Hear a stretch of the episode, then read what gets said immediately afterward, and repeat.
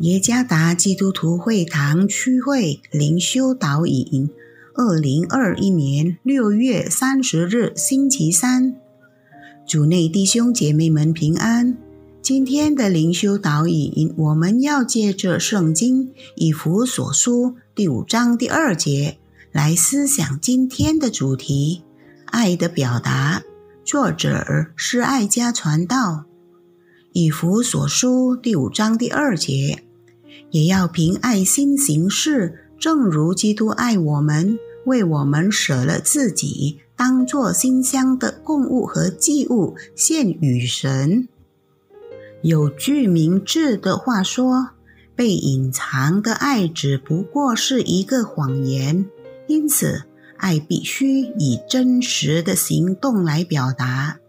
在基督化的生活中，爱不是一个可以选择或上帝提倡的行为，而是成为我们必须实行的生活部分。在写给以弗所的书信中，使徒保罗劝勉他们要成为光明之子。光明之子必须做的事情之一，就是要如何在爱中生活。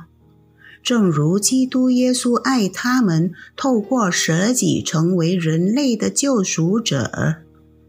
上帝已经透过耶稣基督在十字架上的牺牲，表达他完美的爱。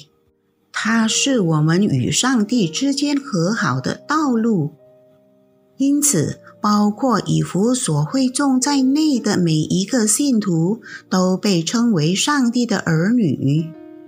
耶稣已成为献给上帝的馨香祭，这就是上帝完美之爱的表达形式，也成为以弗所会众表达对他人的爱的绝对基础，是在基于基督牺牲里的爱之行为，而不是仅仅是爱的行止。这样的方式来表达爱，能引领被爱的人仰望上帝。我们也已经得到了在基督耶稣里上帝完美之爱的表达。我们已经与上帝和好，并被称为上帝的儿女，甚至被称为光明之子。如今，我们受锻炼，基于我们所接受基督的爱，来对他人表达爱。每当我们向他人表达爱的行为时，不仅仅是爱的行止，而是我们在向他人见证基督，成为基督肢体的群体。我们若彼此相爱，是何等的美善！即使有许多差别，然而也不会拦阻我们继续彼此相爱。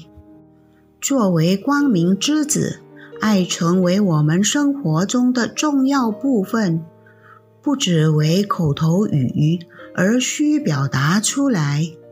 然而，我们必须把表达的爱与上帝借着基督在十字架对我们的爱联系起来，这样我们将有智慧和正确的方向与表达对他人的爱。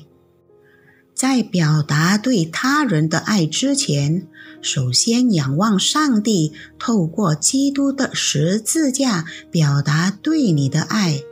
这样，你将会明白你表达爱的意义和目的。主耶稣赐福。